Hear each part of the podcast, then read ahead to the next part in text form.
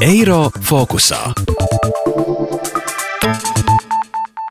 Ņemot vērā to, ka vakcīna valstīm bija steidzami nepieciešama, valdības un donori ir iztērējuši miljardiem eiro, lai vakcīnas izstrādātu un tiktu pārbaudīta to drošība un efektivitāte, kā vēsta raidsabiedrība BBC saskaņā ar zinātnes datu analīzes uzņēmuma Airfinity decembra datiem. Valdības visā pasaulē šim nolūkam ir piešķīrušas vismaz 6,5 miljārdus mārciņu. Savukārt bezpeļņas organizācijas ir sniegušas gandrīz pusotru miljārdu mārciņu. Finansiāli šos centienus atbalstījušas arī filantropu organizācijas, piemēram, Geitsu fonds, kā arī atsevišķas personas, tostarp elektroniskā tirzniecības milža Alibaba dibinātājs Džeks Mā un pat country mūzikas zvaigzne Dolija Pārtone. Airfinity decembra dati liecina, ka, piemēram, AstraZeneca vakcīnas izstrādē pārliecinoši lielākā daļa no vairāk nekā 8 miljardiem mārciņu ir privāto kompāniju līdzekļi, bet Britu un Amerikāņu valdības vakcīnas izstrādē atvēlējušas nelielu daļu.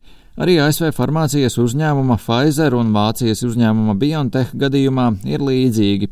Ķīnas kompānijas Sinovac vakcīnu pilnībā sponsorējušas privātās kompānijas. Kompānijas Johnson Johnson gadījumā valdības un privāto kompāniju līdzekļi sadalās salīdzinoši līdzvērtīgi. Savukārt Novavax un CureVac gadījumā līdzekļi teju pilnībā atvēlēti no valdībām. ASV uzņēmuma Moderna vakcīnas izstrādi segusi Savienoto valstu valdība. Jāpiebilst, ka sākoties vakcīnu izstrādēm, privātās kompānijas nebūtu nesteidza šim procesam atvēlēt savus līdzekļus, jo vakcīnu izstrādes process pagātnē nebūtu nav bijis ātrs. Kā vēsta BBC, gripas pošu tirgus vērtība ir vairāki miljārdi dolāru gadā. Tas lieko domāt, ka ja Covid-19 tāpat kā gripa ir uz palikšanu un vakcinācija būs nepieciešama ik gadu, uzņēmumiem, kas nāktu klajā ar visefektīvāko un pēc iespējas lētāko vakcīnu, vakcīnas izstrāde varētu būt izdevīga. BBC apkopotie dati liecina, ka pašlaik dārgākā ir moderna vakcīna. Viena tās deva maksā no 25 līdz 37 ASV dolāriem. Tai sako Sinovac vakcīna, tad Sanofi GSK, bet ceturtajā vietā ir Pfizer un BioNTech. Piektajā vietā atrodas AstraZeneca vakcīna, kuras deva maksā no 4 līdz 8 ASV dolāriem.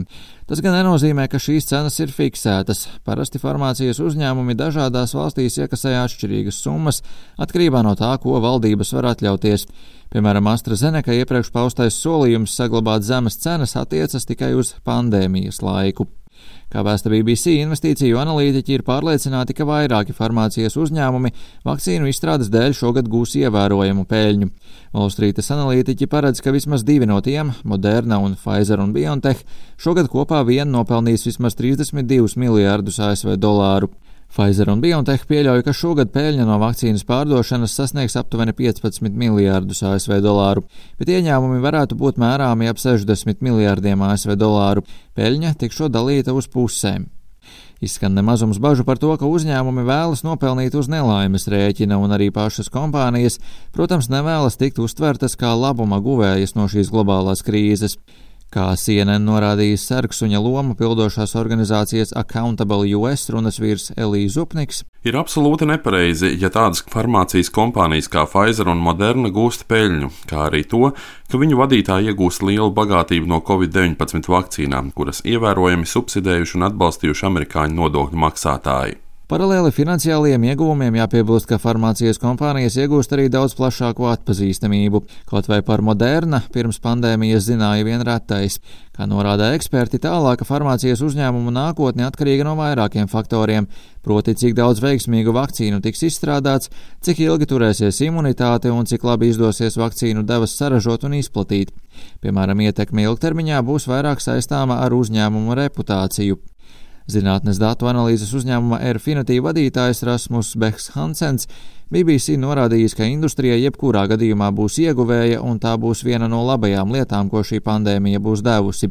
Viņš sagaida, ka nākotnē valdības ieguldīs pandēmijas stratēģijās tāpat, kā tās tagad to dara aizsardzībā, saredzot šādus izdevumus kā nepieciešamību. Rihards Plūme, Latvijas radio. Eiro fokusā.